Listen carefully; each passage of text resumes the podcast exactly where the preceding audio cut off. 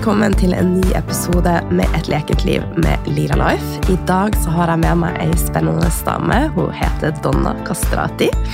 Og jeg har snakka om dette tidligere, at eh, når jeg inviterer med meg gjester, så er det for at jeg kjenner at det er 100% rett, og at jeg har ei dragning mot denne personen, og at jeg rett og slett følger intuisjonen min. Og sånn kjente det med Donna, så jeg sendte henne en melding på Instagram.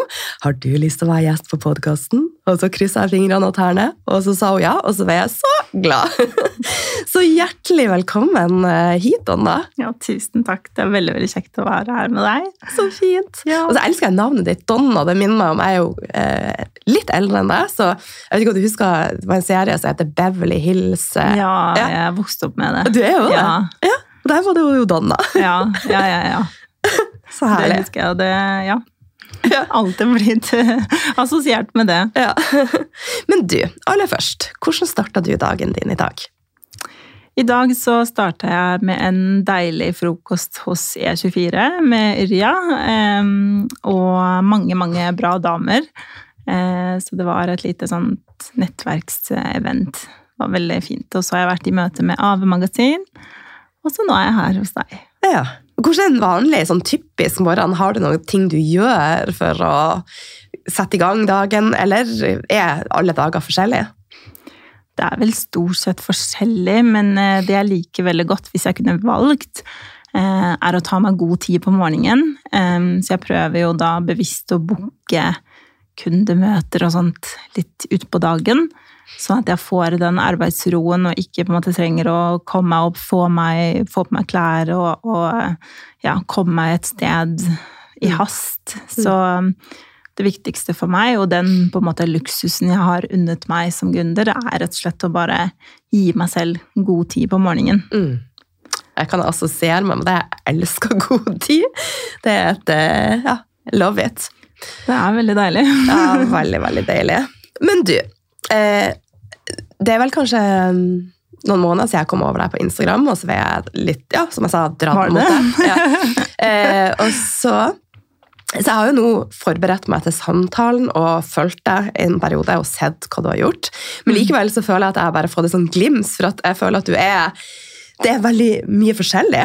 Så jeg gleder meg til å bare dykke litt dypere inn i det her. Så eh, jeg har lyst til å bli bedre kjent med deg, så kan ikke du dele litt om hvem du er og de reiser? Ja, hvem jeg er. Det er liksom alltid et like spennende spørsmål som har masse forskjellige svar, merker jeg. Men eh, jeg kom jo da opprinnelig fra Kosovo. Jeg flyttet til Norge i 2005. Eh, Så jeg har vært gjennom og overlevd en krig eh, der nede. Eh, Kom hit og eh, var litt sånn splitta. Eh, Følte på en måte litt sånn Følte meg veldig alene eh, i flere år. Følte ikke at jeg hørte til i det hele tatt. Kommer liksom fra et helt annet land, kultur.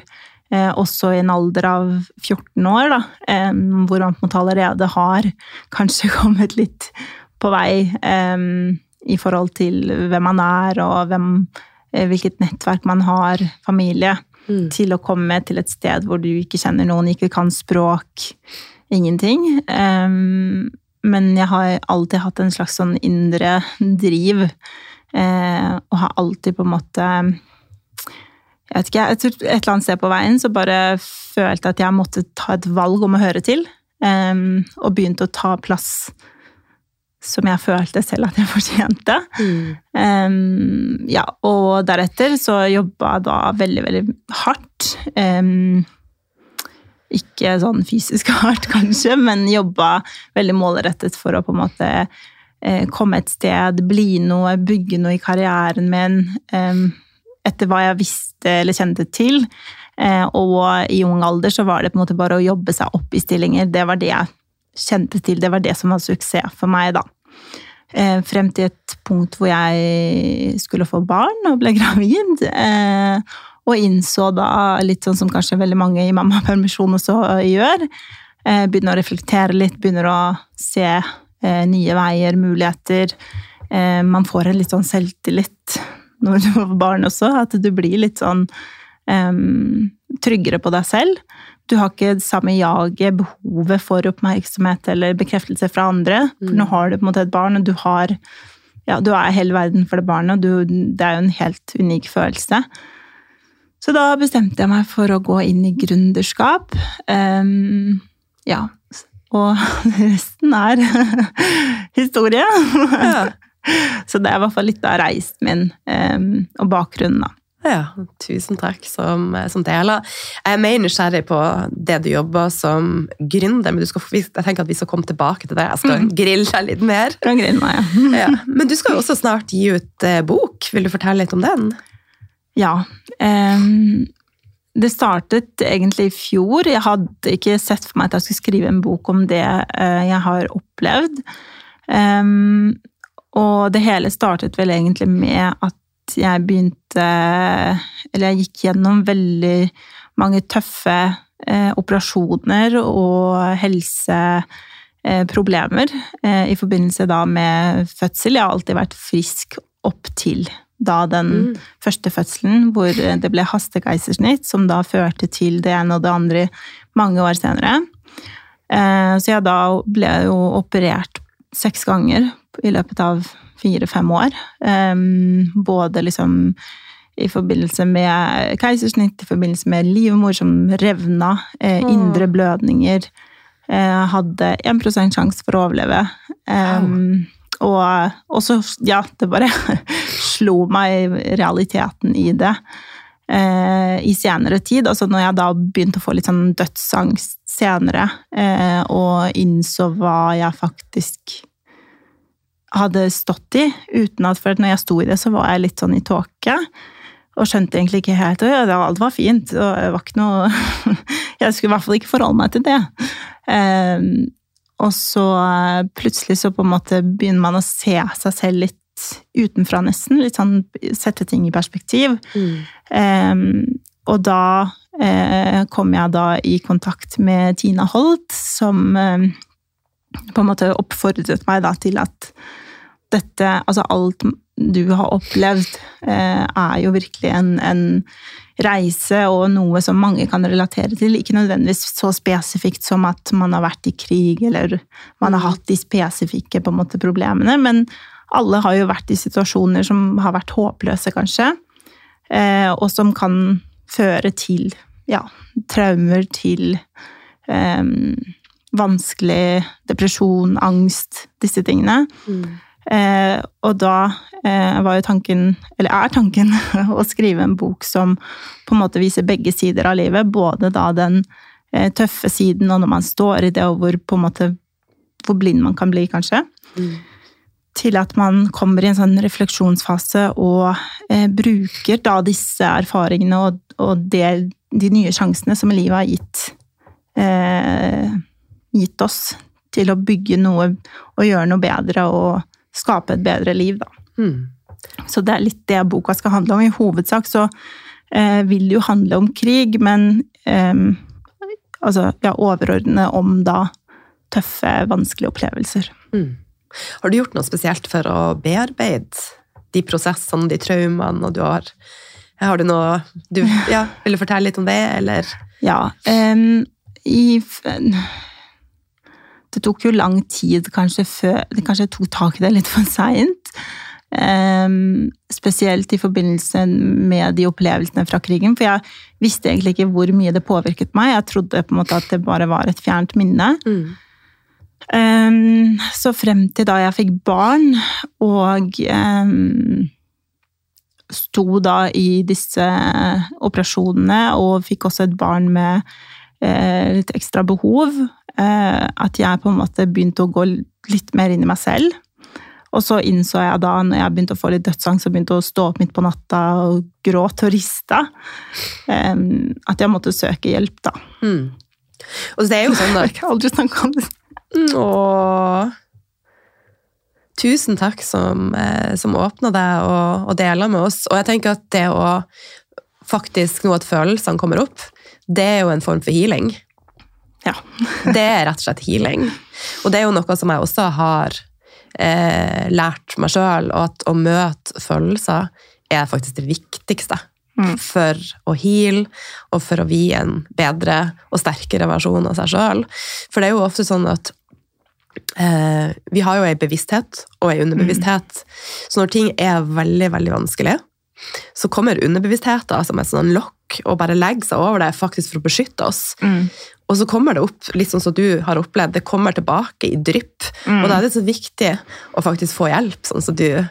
Så, og Mm. igjen, du står her stødig og sterk, og, og det er noe med å møte det som livet byr på, og bare tenke at det er faktisk min reise, det har gjort meg til den jeg er i dag. Mm. Og du sitter jo her magisk og er inspirerende og motiverende. Så tusen takk som, eh, som åpna deg. Jo, takk. Ja. Det setter jeg veldig, veldig stor pris på. Takk.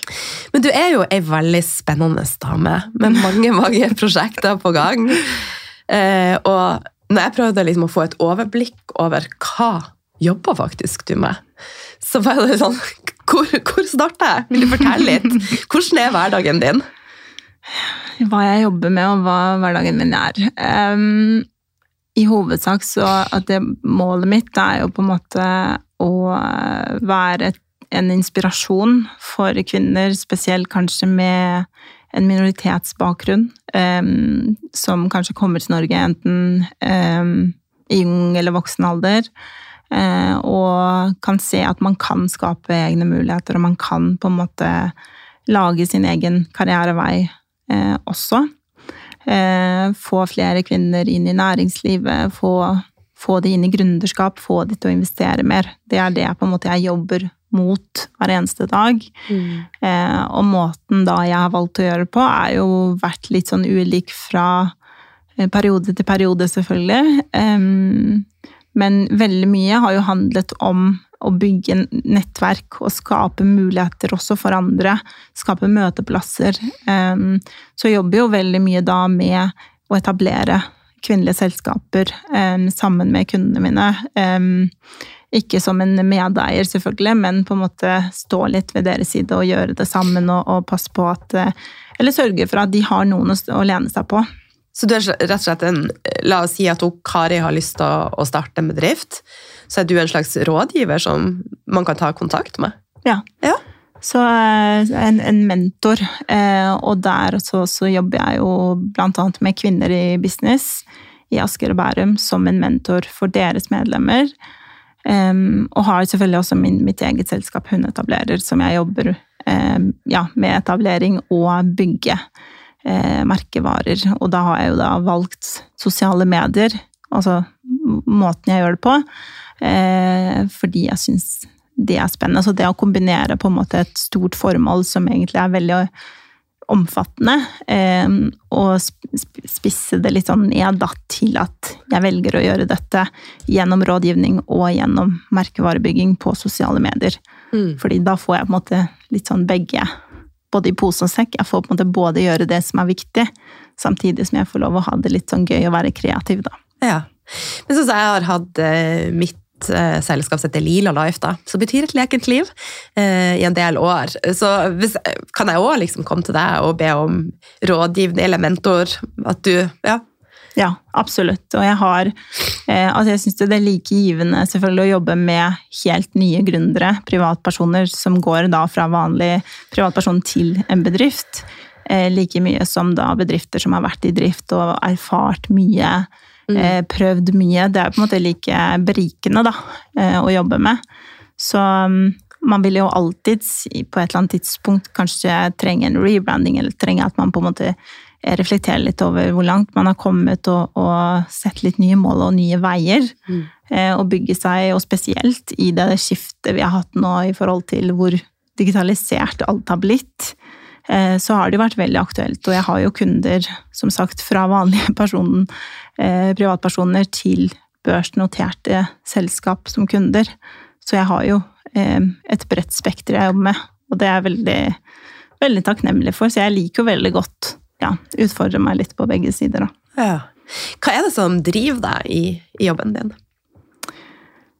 Det må jo være altså, det, er jo, det er jo mange ting, selvfølgelig, men det er jo virkelig Og det å se på en måte at man gjør en forskjell for noen, at man faktisk spesielt eh, da eh, i forbindelse med å få kvinner til å stole mer på egne evner. Mm. Eh, og gå fra usikkerhet og gå fra på en måte litt sånn mindset om at de ikke kan, eller de ikke tør, eller på en måte Mm. hva om ingen liker hva meg, eller hva om ingen kjøper, til at de bare starter, hopper i det og blomstrer og på en måte ja, bobler av kreative ideer og masse Det er altså det å se disse situasjonene, og det å på en måte møte de igjen Mm. eh, ulike og, og få de tilbakemeldingene jeg gjør også, det gjør jo at jeg bare blir sånn Jeg blir så rik på det, da.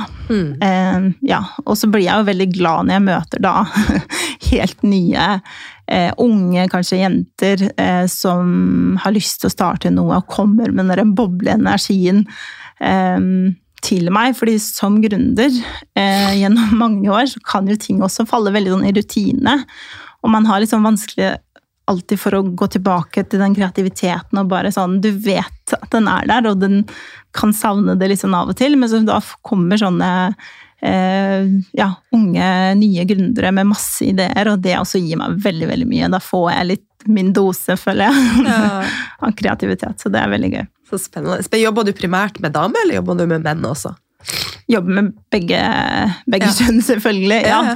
Eh, vi skal jo inkludere, ikke ekskludere. Eh, men det er klart at eh, det jeg jobber og brenner for, er jo at vi får flere, flere kvinner da, inn i næringslivet. Ja. Vi har litt dårlig statistikk på det, så jeg syns eh, vi må gjøre noe med det. I tillegg til at eh, jeg også syns det er mer og mer spennende å tenke på eh, Spesielt med tanke på min bakgrunn, og at jeg har egentlig alltid på en måte, med tanke på at jeg har tatt den plassen og bestemt meg for at jeg hører til her, og du får ikke lov til å forskjellsbehandle meg. Eh, så jeg har kanskje sånn glemt hvor jeg kommer fra litt, for jeg har blitt litt sånn blind på at nå, jeg hører til. Mm.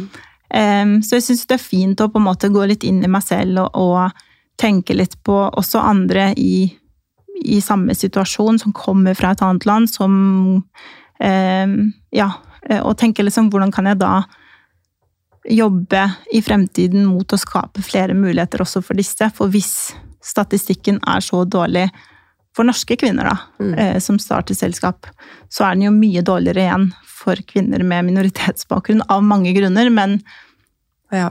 så um, ja, det er, det, det er veldig mye jeg har lyst til å gjøre. ja.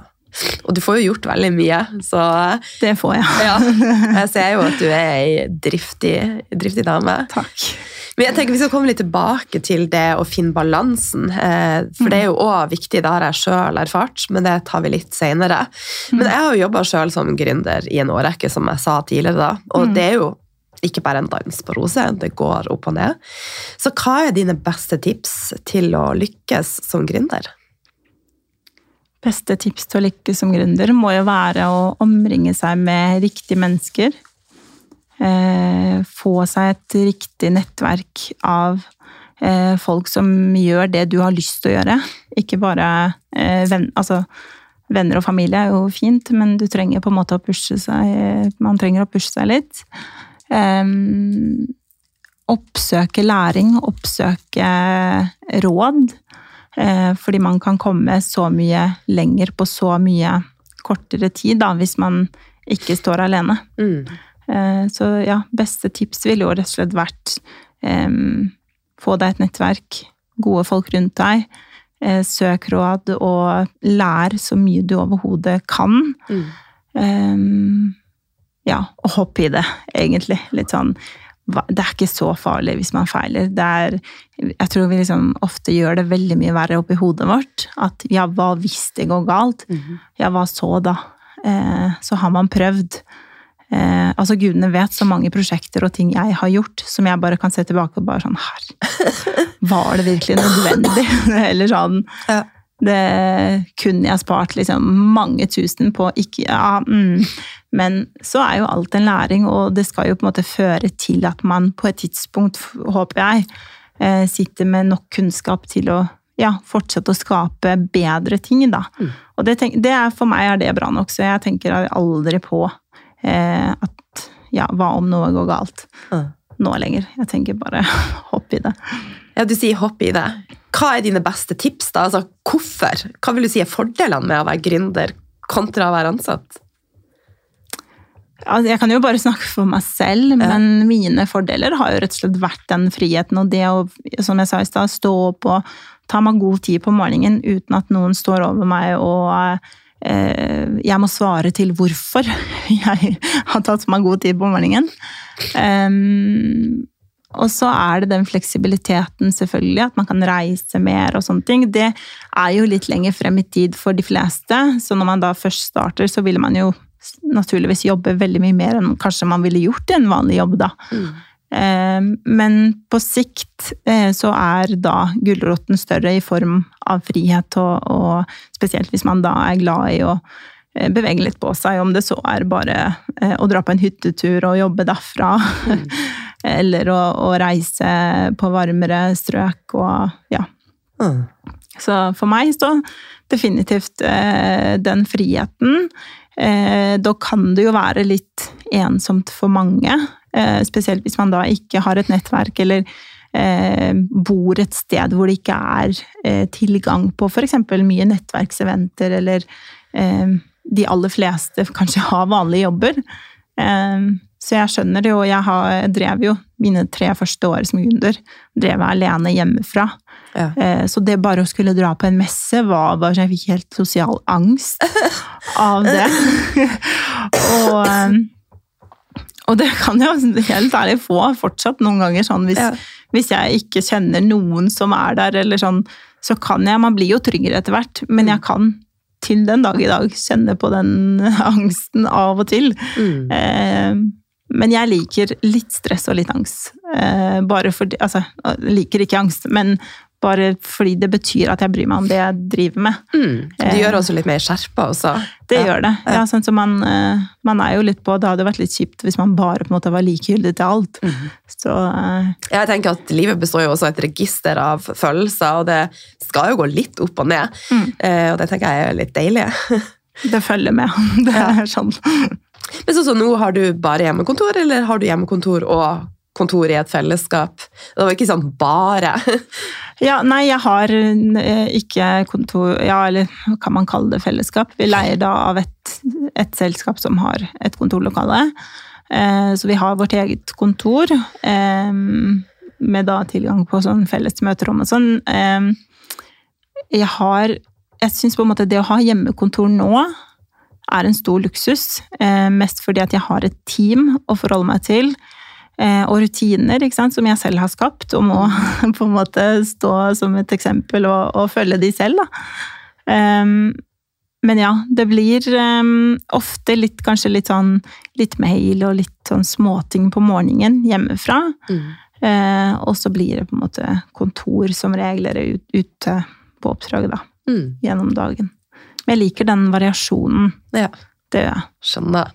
Jeg følger det så i forhold til det du sier om å eh, passe på å være sammen med noen som gjør at du ekspanderer, mm. som er et skritt foran deg. Mm. Og jeg er jo vokst opp i Bodø, og i fjor så valgte jeg å flytte til Oslo bare for å få muligheten til å, mm. å være mer sammen med likesinnede, og, og, det har gjort eh, at jeg føler meg med hjemme, da. Mm.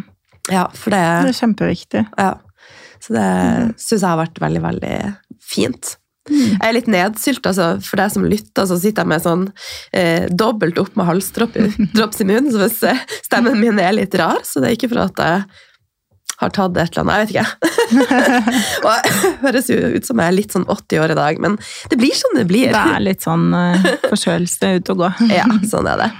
Men Eh, de siste årene så har jeg blitt mer bevisst på det å jobbe i takt med bl.a. intuisjon, mm. men også min feminine flyt. Eh, for jeg er virkelig mer bevisst på balanse mellom det maskuline og det feminine. Mm. Så tidligere så jeg, har, jeg tror du òg har et veldig stort batteri, og at du har en sånn stor drive. Eh, og det har jeg også. Men det som mm. ofte, i hvert fall som jeg har erfart, da, er jo at jeg bare kjører på og kjører på, og så blir det litt mye, rett og slett. Mm. Eh, men hvordan klarer du å balansere det der? Nei, altså jeg Ja.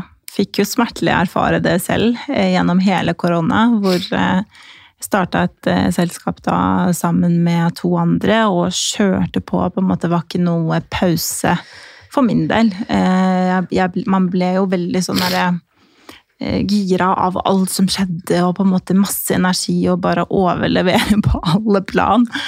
Um, frem til jeg nå i år fikk meg et lite sånn uh, pakkesmell. Uh, hvor jeg én um, ble veldig, veldig, veldig sliten eh, fysisk. Og det var litt sånn nytt for meg, fordi, men det var på en måte kanskje litt sånn resultat av at jeg har båret på mye lenge. Eh, båret på mye bagasje sånn privat i forbindelse da med alle, alt jeg har opplevd også. Eh, og ikke tatt meg nok tid til å, til å gå gjennom det sånn steg for steg og på en måte jobbe mm. meg litt gjennom følelsene. Jeg gikk jo til psykolog etter fødsel, eh, men jeg ser jo at jeg burde kanskje gått enda lenger enn det eh, året, da. Mm. Så nå i starten av 2022 så begynte jeg å gå i terapi, og da ble alt vondt verre. Mm. Eh, så jeg da eh, Det tok jo litt tid, men da valgte jeg på en måte å avslutte veldig mange prosjekter og veldig mange ting som jeg på en måte så at det ikke nødvendigvis bare ikke lønnet seg økonomisk, men på en måte det tok mer um, fra meg enn det ga, uh, i form av at um, ja, jeg ble så sliten, og jeg ble så mm. på en måte uh, utmattet. Mm. Og jeg skjønte ikke helt hvorfor. Um, fordi at jeg hadde jo bare fungert så bra liksom, i så mange år, så hvorfor skulle jeg bli så sliten? Jeg skjønte ikke det. Uh, og da tror jeg på en måte en liten periode der så pusha jeg enda mer gjennom det, og, og prøvde på en måte å, å, komme litt over det uten å Altså ved å late som det ikke var der. Ja. Eh, og så ble det jo liksom mye verre igjen, og jeg gikk jo gjennom masse ting hjemme også. Mm. Eh, og vi har vært litt sånn um, uheldige hjemme også, med veldig mange dødsfall på kort tid. Eh, av nær familie, unge, ja. Eh, men òg på en måte eh, ja, nærmeste familie, da. Ja. Så fra høsten nå så var jeg sånn ok, hvis jeg fortsetter, så har jeg ca. et halvt år på meg, og så blir jeg sikkert sykemeldt resten av livet. Mm. Eh, det er bare Var det tankene du hadde? Ja. ja. ja for det, jeg bare var så Jeg bare slet med å plukke meg selv opp. Det, det var så slitsomt. Og midt i den perioden så holdt jeg på å ansette flere mennesker, og det var jo på en måte et tiltak jeg valgte å gjøre for å gjøre litt mindre selv, men det er jo en kjempe tung og lang prosess, sant? den opplæringen når man skal inn. Og for dem også så er det jo viktig at de får den oppfølginga de trenger, og, og, de klare oppgavene og på en måte ting å forholde seg til. Og, og ikke minst en leder som er til stede. Og å finne de rette menneskene er jo òg en prosess. Det er også en prosess. Mm. Så um, Men held, altså, utrolig nok, da, uh, så var jeg jo veldig heldig, og jeg på en måte valgte folk fra mitt nettverk som jeg hadde litt kjennskap til fra før, og, og kunne stole på at de ville gjøre en god jobb, og det, det har de jo absolutt gjort. Mm. Um, så jeg var veldig, veldig heldig uh, der.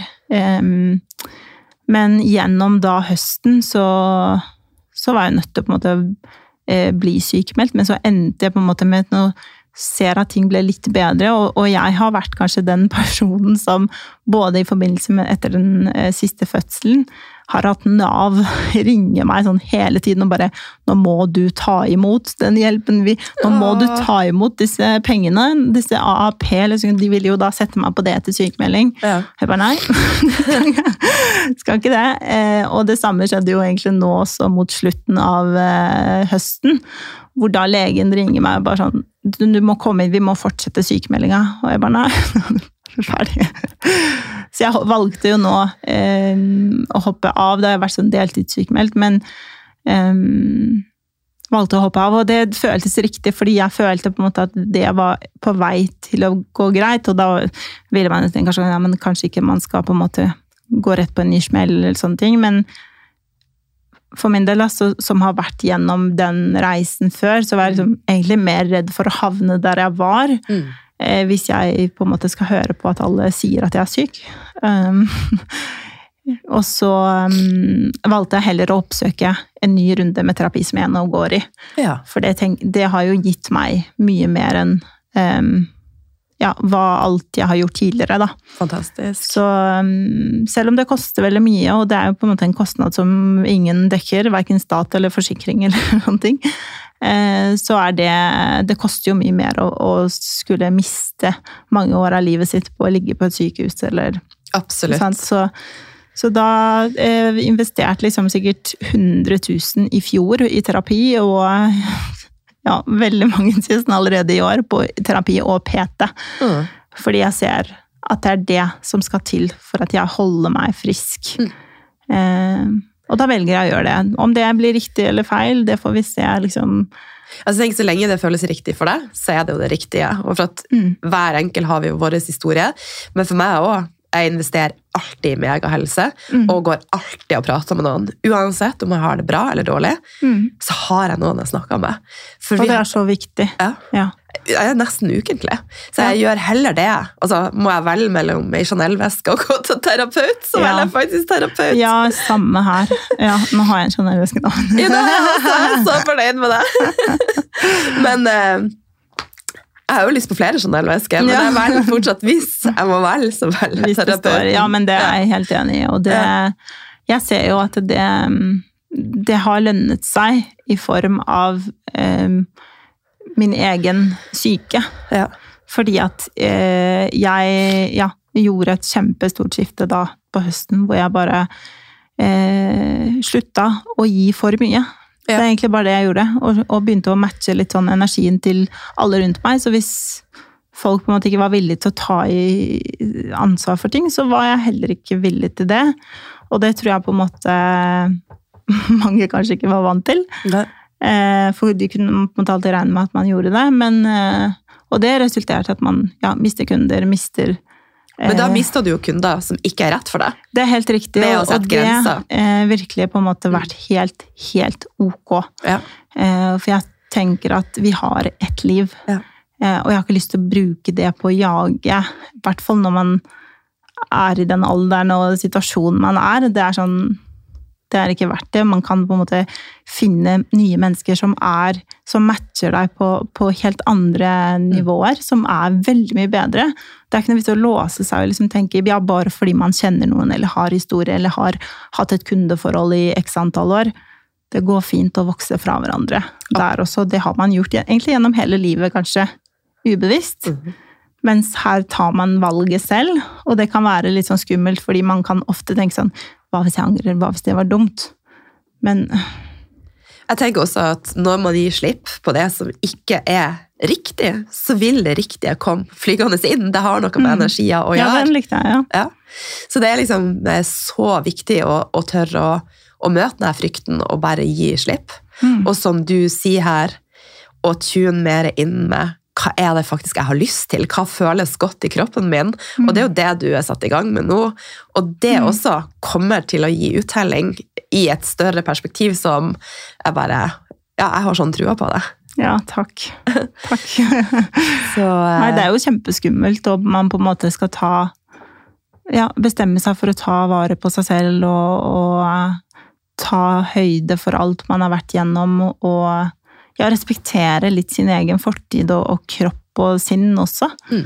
Så jeg har vært i en sånn reise også nå i år, hvor jeg eh, også fikk meg litt sånn nye venner, og det lever jo litt av i voksen alder, får seg venner, Um, som på en måte har veldig mange av disse verdiene som jeg kanskje har søkt etter, men ikke helt funnet Mm. hos noen andre. Og det er jo fordi det går jo helt fint. altså Ulike venner kan jo på en måte ha ulike roller i livet ditt. Eh, og jeg har jo en bestevenninne som eksempel har vært bestevenninna mi i 15 år. Eh, og vi har vært gjennom alt med hverandre, men allikevel så betyr det ikke at hun kan fylle på en måte alle skoene. Eh, så det har vært veldig, veldig Det har vært veldig sunt for meg, tror jeg. Eh, og det, ja.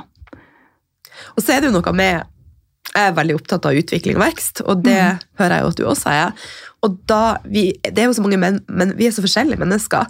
Du kan si hun venninna di, eh, kanskje ikke hun er like opptatt av det, og da vil jo eh, noen av de interessene som du har, bare altså Dere, matcher ikke på det nivået. Mm. Og da er det så viktig å finne noen, som du sier, som klarer å fylle det rommet der. Mm. Sånn at jeg er hele tida åpen for å treffe nye mennesker, og det er med å å bare gir livet mitt så Ja, det gjør det bare artig Det å leve. beriker jo, Ja. ja. ikke sant? Også, men samtidig også heller ikke på en måte kreve det fra en og samme person. Og samme gjelder jo ikke sant, med eh, partneren sin. Eh, at man på en måte Det er helt ok å ha helt ulike på en måte, interesser, helt ulike vennskap eh, utenfor forholdet. Helt, man trenger ikke på en måte være alt. Eh, og det har kanskje vært litt sånn skikkelig lærepenge nå i år, hvor ja, som du sikkert skjønner, vi også har vært på en liten sånn eh, reise selv i, i em, forholdet, og, og funnet ut at em, vi trenger å gjøre dette og dette. Men vi på en måte klarte, og jeg er veldig stolt av at vi på en måte kom dit vi er, for det, det har jo vært liksom eh, vanskelige perioder, men, men at man på en måte likevel står støtt i hverandre og kan virkelig eh, forstå på et mye dypere nivå, og ja, sikkert litt av en utvikling jeg har vært nå det siste året. Det har vært litt sånn, ja, både godt og vondt, men eh. Det har vært et uh, crazy 2022 år. Det har det. Så du er klar for et uh, magisk 2023? Jeg er så klar for 2023, og det var litt sånn Hører på en måte av og til at uh, veldig mange er sånn Ja, men 2023 er det vanskeligste året. Mm. Og litt sånn jeg, jeg vet ikke, For meg, da, så er jeg litt sånn sikkert litt sånn ja, nyttårsforsetter og sånne ting. Jeg elsker det. Jeg elsker, det er akkurat som liksom bare Alt som var i 2022, bare letta. Bare sånn slapp taket 1. januar. og bare Men det har jo, og det sier jo faktisk litt om på en måte innstillingene man har i hodet. Ja. Eh, For det er jo egentlig til syvende og sist så er det det det handler om, at man på en måte innstiller seg for at nå skal det bli bra. Eh, Og da klarer man fysisk også å føle seg bedre og komme seg på beina på en helt annen måte og starte dagen, liksom. Mm. Helt klart. Men eh, du sier at du elsker å starte med blanke ark, Mm. og du elsker 1. januar. Det, jeg er også veldig glad i 1. januar, men i mange år så la jeg altfor mye press på 1. januar. Ja. Jeg skulle liksom bare revolusjonere livet mitt, så nå er det der at hver dag er en ny start og blanke ark. Ja. Eh, og jeg setter mål og intensjoner jevnt og trutt, men jeg kan justere det. Men Mm. hvor viktig er det med målsetting og planlegging for deg? Det er, altså Man kan jo ikke planlegge alt, eh, og det er alltid veldig vanskelig å, forutse hva som kommer til å skje. Hva, bare sånn i løpet av et år, hvilke muligheter får du? Altså Det kan jo også skje tunge, vanskelige ting. Du kan jo miste folk. altså så det er alltid veldig vanskelig å forutse, men det er alltid veldig fint å ha en følelse av at man vet hvor man skal. Um, og det kan man jo på en måte oppnå ved å sette seg mål for det man har lyst til å oppnå, da. Ja. Men, um, men også passe på at man ikke på en måte kommer inn eh, i desember og, og tenker sånn Nei, jeg fikk ikke til det, jeg fikk ikke til det. Sånn, sånn at det blir mer en negativ eh, opplevelse, men på en måte kanskje bare sette litt sånn ja, mål for hva man ønsker å eh, Hvor man ønsker å være, og hva man ønsker å få til, og så jobbe mot de målene, og så blir det det det blir. Ja. Eh, og det Sånn vil det alltid være. Ja. Um, men jeg tror jo også at ja, eh, målsetting er en viktig del, spesielt i en gründerhverdag. Én ting er på en måte som menneske generelt. Det er bare sånn, Jeg har lyst til å bli bedre på dette. Jeg har lyst til å lære mer sånn og sånn. Men når det handler om gründerskap, og det handler på en måte om at du skal drive en bedrift, og du kanskje skal ha ansatte, og du har med regnskap og skatteetaten å gjøre, så må du jo være litt mer skjerpa og sette litt mer sånn konkrete ting eh, og mål, da. Ja. Eh, men ja, en, eh, målsetting er nok veldig viktig for meg, og det syns det var veldig stas nå i desember å bare sjekke av veldig mye av lista. Ikke alt, eh, for det ville jo vært litt rart. Eller den, det ville jo kanskje ikke vært at jeg har satt nok mål, eller ja. Men eh, det var jo litt stas, da. Så til tross for at 2022 var et vanskelig år, så klarte du å, å gjennomføre en del av målene dine. Og er du da nøye på å feire de her, og bare, for det, det er så mange som bare Ja, Ja, ja så bra. veldig. Veldig nøye på Altså, vi har alltid en god unnskyldning for å gå ut, ta en middag og Ja. Ja, ja, ja. Så det, det er jeg veldig opptatt av. Eh, Feire de små tingene. Det, det tror jeg på en måte også gir litt mer eh, glede og ja. Ja. Og så for, I mange settinger så tror jeg vi er rett og slett for strenge med oss sjøl. At Mm. ja, når vi kommer dit, da skal jeg også feire. Eh, men jeg er også sånn som du. De små tingene er jo Når vi klarer å ankre inn de gode følelsene, så Mm. er det bare sånn Yay! Og så vil du jo da bare kjenne at du er klar for mer. Mm. Men i 2023, vil du dele noen av målene du har? Åh. Ja. Det er jo veldig skummelt å si høyt, men det må man jo. Noen av de målene jeg har satt meg i år, er at jeg har lyst til å lære mer om ledelse. Fordi jeg har, jeg har jo vært leder i mange år, men jeg har ikke vært på en måte leder i mitt eget selskap. Og jeg trodde det å være en leder for andre var det samme uansett. Eh, Det var det ikke. Så det er et av de målene. Så jeg nå på en måte oppsøker hele tiden måter jeg kan få mer informasjon, lære, ta kurs i lederskap. Um, ja. Uh, det. Og så har jeg selvfølgelig økonomiske mål. Eh, I fjor hadde jeg mål om å nå to millioner i omsetning i selskapet mitt. Ehm, og vi endte jo da på to og en halv, så det var veldig gøy. Vi omsatte for det samme, cirka, da. Eh, Ja, det er gøy. Og det er det første gangen jeg noen gang har delt. Ja, Herregud, men jeg tenker... jeg litt angst. Nei, det må du ikke gjøre. Jeg tenker at det, det er jo en viktig, på en, måte, en viktig del av mitt arbeid det er jo å snakke høyt om penger, og Ja. spesielt tall, fordi det er, det er tabu, og det er, det er vi innstilt på. Ja. eh, At det er Nei, det snakker man ikke om. Men, og, og hvis du er superkomfortabel og ikke vil dele informasjon, så er det jo ingen som på en måte tvinger deg. Men hvis du på en måte egentlig har litt lyst til å dele, men deler ikke fordi du er redd for å bli dømt eller sånne ting, så tenker jeg at du bare skal gjøre det uansett. Mm. Eh, og det gjorde jeg i går. Da delte jeg liksom eh, hva vi hadde omsatt for i år. Eh, og det liksom gikk tilbake sånn flere ganger. bare, «Åh, Jeg burde ikke gjort det. det var, nei, det var egentlig litt dumt. Og så ble det litt sånn Å, hva er det jeg driver med, liksom? Men så bare piner jeg meg gjennom disse 24 timene til den storyen er borte, for jeg bare skal ikke bort. Så um, ja. Og så er det egentlig bare å gjøre eh, Være mer spontan er noen av målene mine i år. Ja. på, altså i mange områder, selvfølgelig. Men bare Ja. I fjor hadde jeg et mål om å si mer nei. Jeg var så liksom dårlig på det. I år har jeg et mål om å si mer ja.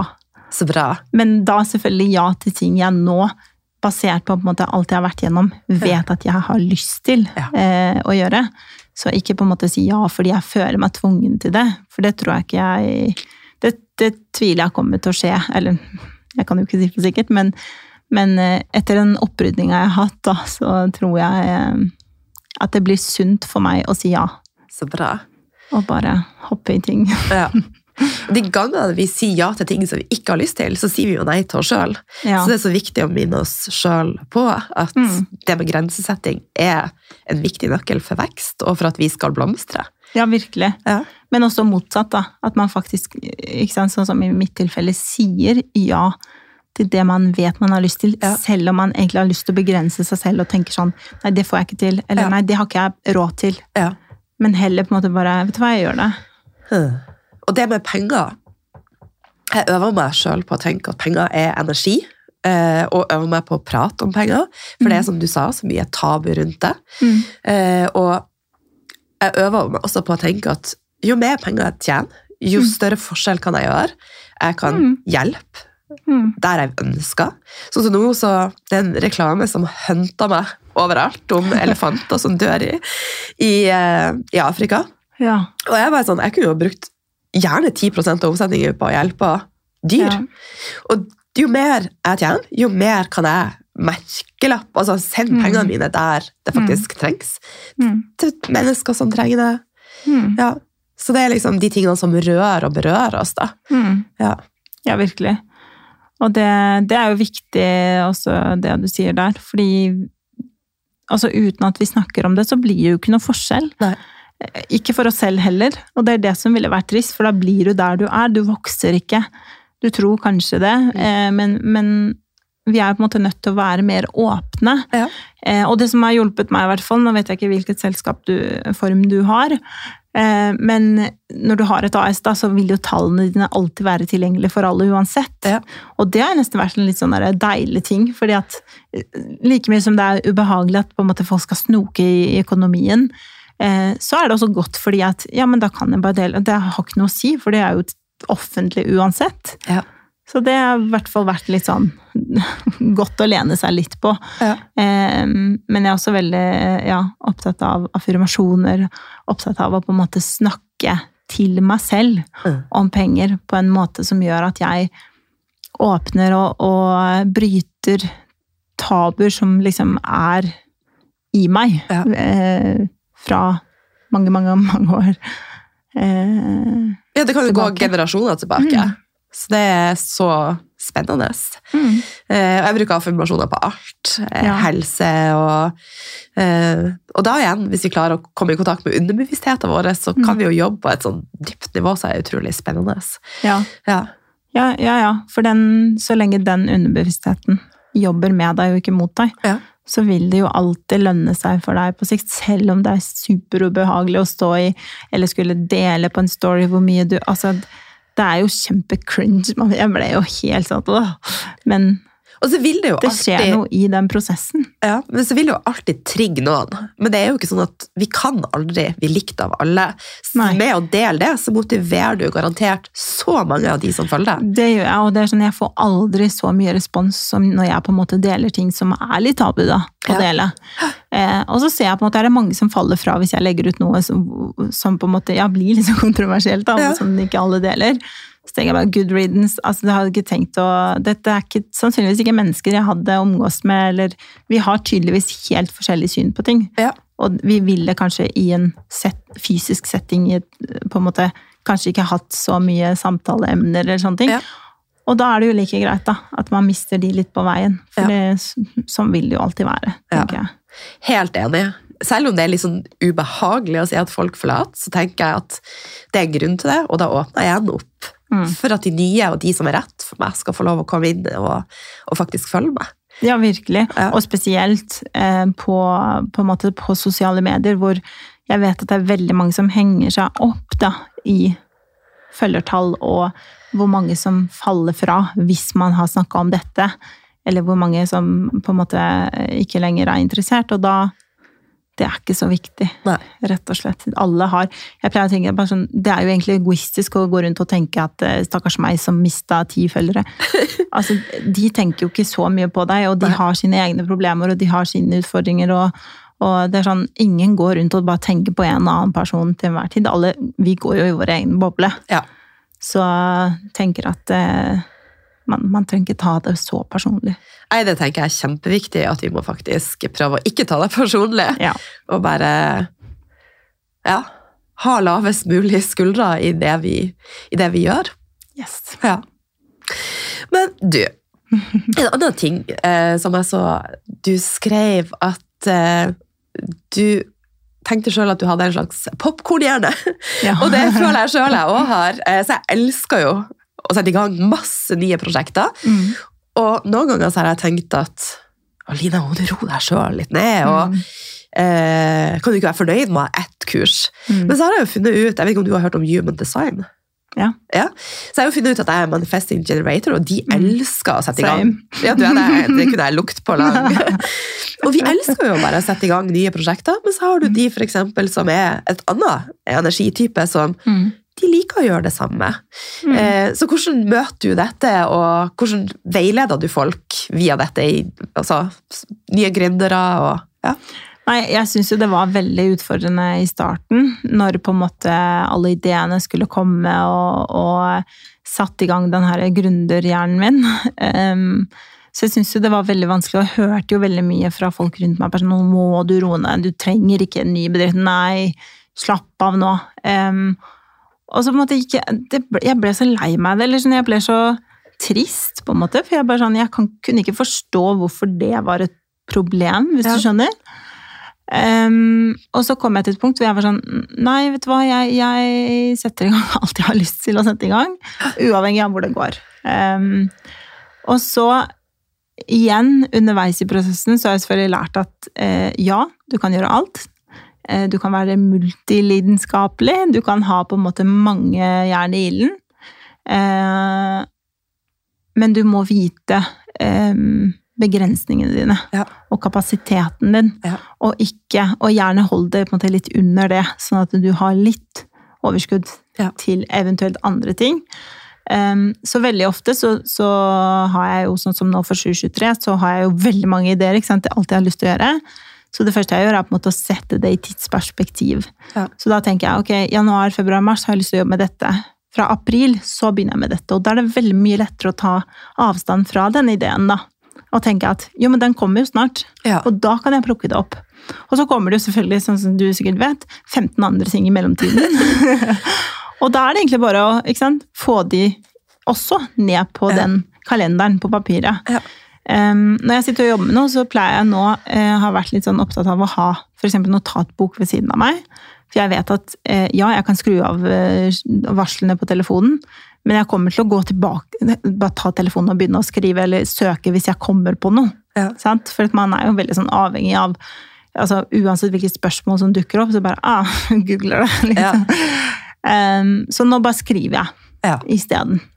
Eh, Så mens jeg på en måte sitter og kanskje jobber med et prosjekt, eller eh, for eksempel sånn som i går, da, så sitter jeg og lager en presentasjon som skal sendes til noen investorer, eh, så sitter jeg med et notatark ved siden av. Og for hjernen min den er jo 15 steder samtidig. Og da bare skriver jeg det ned. Ja. Og når jeg leser det etterpå, så er ikke det så god idé, egentlig, kanskje. Halvparten av det. Og så er noe av det ok, dette velger jeg å ta med meg videre inn i Ja.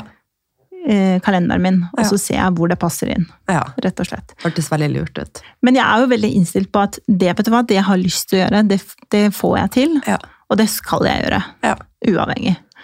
Eh, og så er det noen ting som må bytte plass selvfølgelig av og til, men det går fint. Og så som du sa tidligere, at vi er ikke sånn som du har tenkt, så enten skal du justere, Mm. eller så kan du bare tenke at ok, nå har jeg prøvd det. Ja. Ja. Og det jeg ser ofte er at eh, i hvert fall de prosjektene som jeg selv styrer og har 100% eierskap og kontroll over, de har jeg mye lettere for å justere. Mens hvis det er veldig mange mennesker involvert, eh, og det ikke funker, så er det eh, veldig ofte litt sånn skjørt. Da løpet skjørt. Fordi at det blir for mange, på en måte, eller altså ti mennesker å forholde seg til som skal ha samme innstilling om at vi prøver en ny runde og en ny runde og en ny runde. Ja. Så mine egne på en måte ting som jeg har vært litt sånn Dette gjør jeg alene, og dette tweaker jeg litt sånn, og så gjør jeg litt sånn. De ser jeg på en måte eh, veldig ofte lønner seg. Ja. At jeg holder eh, selv i selv, da. Ja. Så spennende. Ja. Har du masse nye spennende prosjekter på gang i år? ja, jeg har det. Eh, så det er et par ting. Ehm, nå kommer jo januar-februar-skiftet så kommer da affirmasjonskortene mine som handler om penger eh, og pengetabuer og eh, og da er det da affirmasjonskort og refleksjonskort. Ja. Så man får da både snakke til seg selv, men man får også lese en setning og tenke litt i, i noen minutter. Ehm, og så er det jo kvinnedagen, og det er en kjempestor dag for meg, og det jeg på en måte jobber mot. Ehm, så der skal jeg jo arrangere et event sammen med et par andre i bransjen. Um, og så kommer jo en sko. Oi, en sko! ja. Oh my god! Jeg lurer på om jeg kanskje allerede har sagt litt mye, men uh, det kommer en sko. Eh, Du er popkornhjerne. eh, Fordelen er at etter hvert så på en måte jobber man med så mange flinke mennesker at man kan på en måte ta en liten rolle i et stort prosjekt, Ja. og så vil det likevel bli bra fordi alle leverer sin kompetanse. Ja. Eh, og så er jeg med i et par andre prosjekter som jeg syns er litt gøy, men som fortsatt ikke kan snakkes om. Eh, og så blir det jo da boka som vil lanseres i eh, september. Eh, foreløpig, har vi sagt. Åh, jeg gleder meg. Jeg er veldig spent, ja. Ja. Men ok, eh, nå har vi lært at du er manifesting generator, du har en popkornhjerne, og du er blitt veldig mye flinkere å ta vare på deg sjøl og Mm. sette grenser. Men hva gjør du utenom å gå i terapi eh, for å ta vare på deg sjøl? Jeg trener. Ja. Eh, For to år siden, så eh, Som et resultat av på en måte all den hel, hele den helsereisen min, eh, så la jeg på meg veldig mye. Eh, Og ikke på en måte bare det fysiske eller den utseendet på en måte rundt vekten. eh, Og de kompleksene der, men det var mer sånn at jeg var fortsatt syk, tror jeg. På, Ja. på, altså, jeg var ikke bra, og det kunne man jo se. Um, og så husker jeg vi hadde en sånn fotoshoot, og så så jeg meg selv plutselig litt sånn utenfra, i perspektiv. Og så ble jeg litt sånn redd, fordi at Ikke bare fordi jeg så ut som jeg gjorde, men jeg også på en måte så litt sånn ikke bra eh, vel ut. Nei. Så jeg oppsøkte en lege, fikk da eh, tok blodprøver og var litt sånn, vet du hva, nå, hvis ikke du gjør noe nå, så, så blir det diabetes, og det har vi jo i familien, så Ja. det er litt sånn superskummelt. Um, bestefaren min døde av hjerte- og karsykdommer, som også er, var jo da en fare. Så i to år så har jeg liksom aktivt stått på, og det har vært opp- og nedturer. Det har ikke vært liksom en fin kurve. Det, på ingen måte.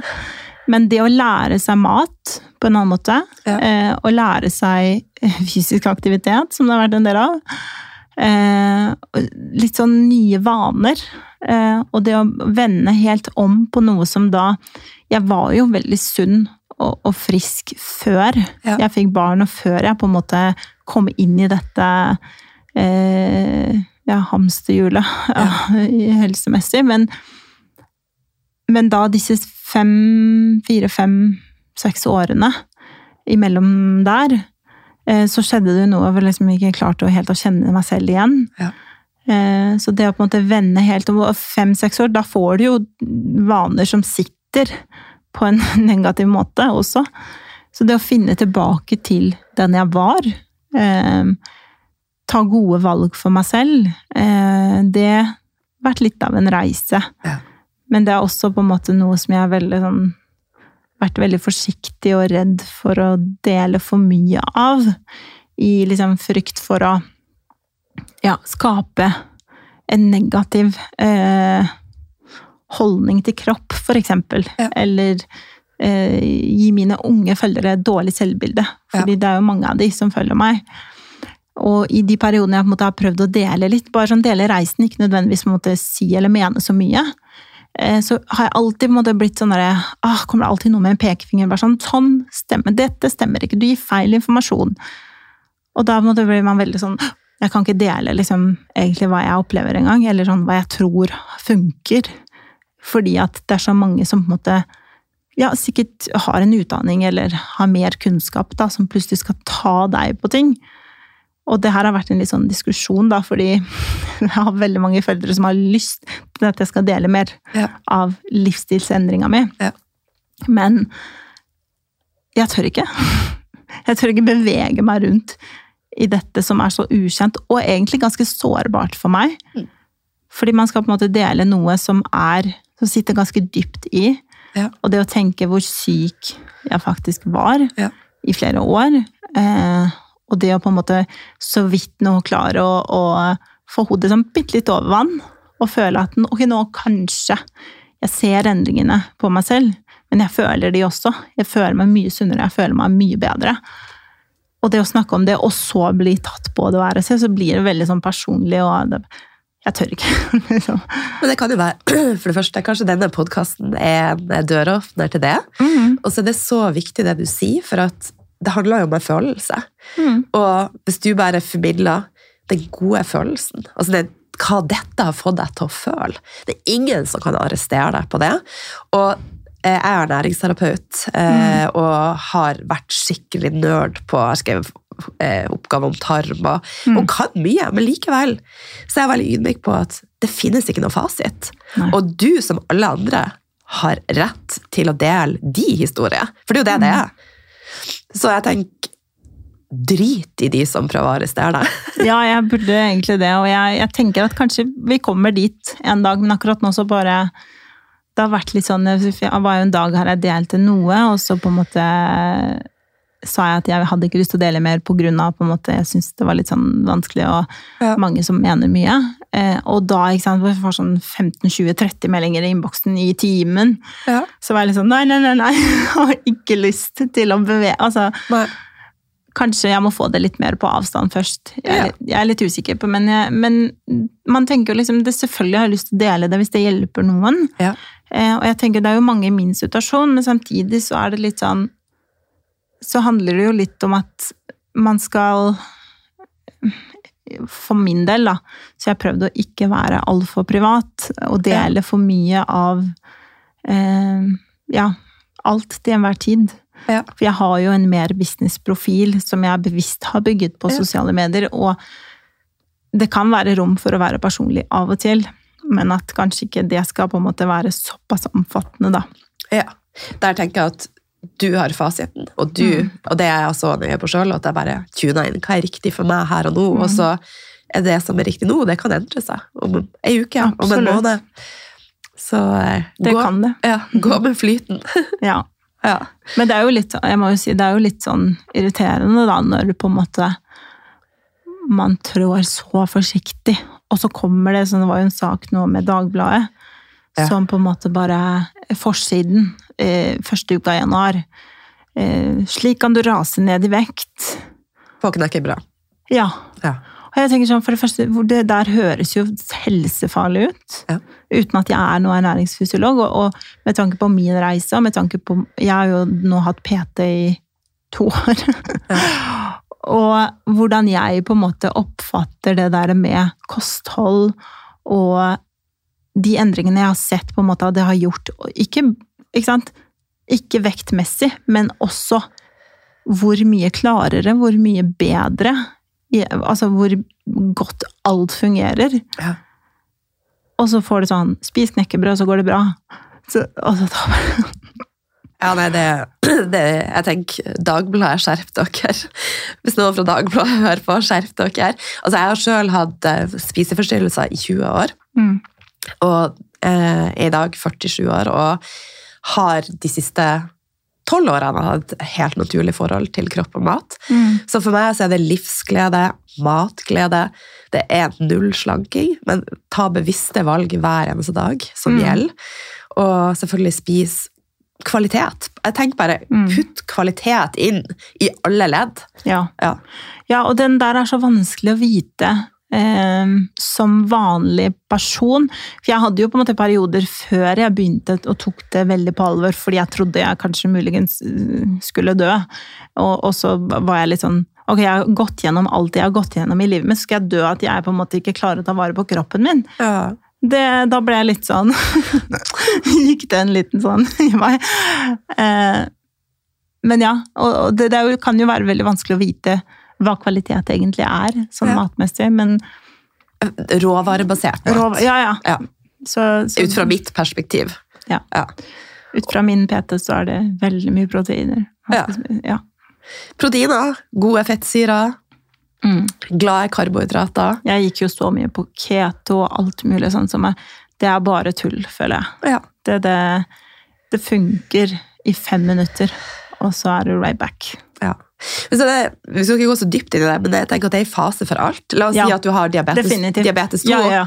så vil keto i en fase for å klare å få ned insulinnivået ditt Mm. være riktig. Men i et helt liv Jeg har også vært innom keto. Jeg skal ikke leve på det. Nei, Nei. nei. men det er det jeg mener med at det Ja. funker i fem minutter. Fordi det er jo opprinnelig det jeg starta det hele med. For jeg trengte jo at det skjedde noe Ja. fort. Men du kan jo ikke opprettholde det resten av livet. Det, det tror jeg ikke er så sunt heller. Nei, det tror jeg ikke. Yes! Du, nå har vi skravla om veldig, veldig mye, og eh, ja, jeg føler meg skikkelig berika og Så motivert. Eh, helt på tampen, er det noe du har lyst til å tilføye som vi ikke har vært innom, som du kjenner at jeg, det har jeg lyst til å snakke om? Kanskje Jeg må jo få lov å skryte litt, da. Eh, For vi vant, eh, selskapet mitt vant en pris i fjor. Oh. for årets vekstbedrift Wow. av TrippelTex. Og det da på vegne av et program, altså en plattform som jeg har lyst til å utvikle. Eh, og det satte jo egentlig i gang eh, ting veldig mye raskere enn jeg hadde i min plan. Eh, så nå begynte jo egentlig hele 2023 med utvikling av dette programmet, og det syns jeg er så stas, for programmet er jo da, eh, eller skal utvikles for kvinner som sitter der hjemme og har vanlig jobb, da. Ja. Eller kanskje ikke har jobb i det hele tatt, eller kanskje er sykmeldt, eller kanskje er i mammaperm, eller Ja. hva som helst. Eh, og tenker at kanskje liksom, gründerskap kunne vært noe, men kanskje ikke de har de pengene til å investere i en mentor, eller til å eh, kjøpe alle disse kursene, eller til å Fordi man er i en utforskningsfase, man er ikke klar kanskje for å starte. Så det skal gi da muligheten til å utforske, basert på liksom erfaring, eh, utdanning, basert på interesser, basert på budsjett. Eh, gi litt sånn pekepinn på hva man kan gjøre. Eh, hvilke type tjenester finnes det der ute som man kan på en måte ta i bruk? Hvilken pris kan man ta? Og alt det her skal de få lov å leke seg litt med og lage en plan på, før de i det hele tatt har bestemt seg for å starte. Mm. Så det eh, syns jeg akkurat nå er veldig sånn Det er det jeg driver veldig mye med, og syns det er så, så gøy. Og har fått med meg veldig mange allerede. Eh, bra, sterke kvinner. Eh, store, kjente kvinner i Norge Wow. eh, som eh, har veldig troa på det programmet. Både fordi at den på en måte jobber mot en veldig god sak, men også fordi at det er veldig kommersielt, så man kan på en måte utvikle dette så mye. Så jeg er litt sånn Nå er jeg sånn ny gründerfase plutselig, som jeg syns er veldig gøy og, og litt uplanlagt. Fantastisk, og gratulerer. Takk. Så stolt av deg. Takk. Du, det har vært eh, en fryd å snakke med deg. Eh, men jeg må si jeg gleder meg til å snyte meg nå. Ja. Oh my god, altså! Det her koser meg så mye. Like. Eh, hvor kan lytterne eh, treffe deg? Eh, Du kan finne meg på LinkedIn på Liri Donna Kastrati, eh, eller på Instagram på Donna Kastrati eller Hundetablerer. Tusen takk.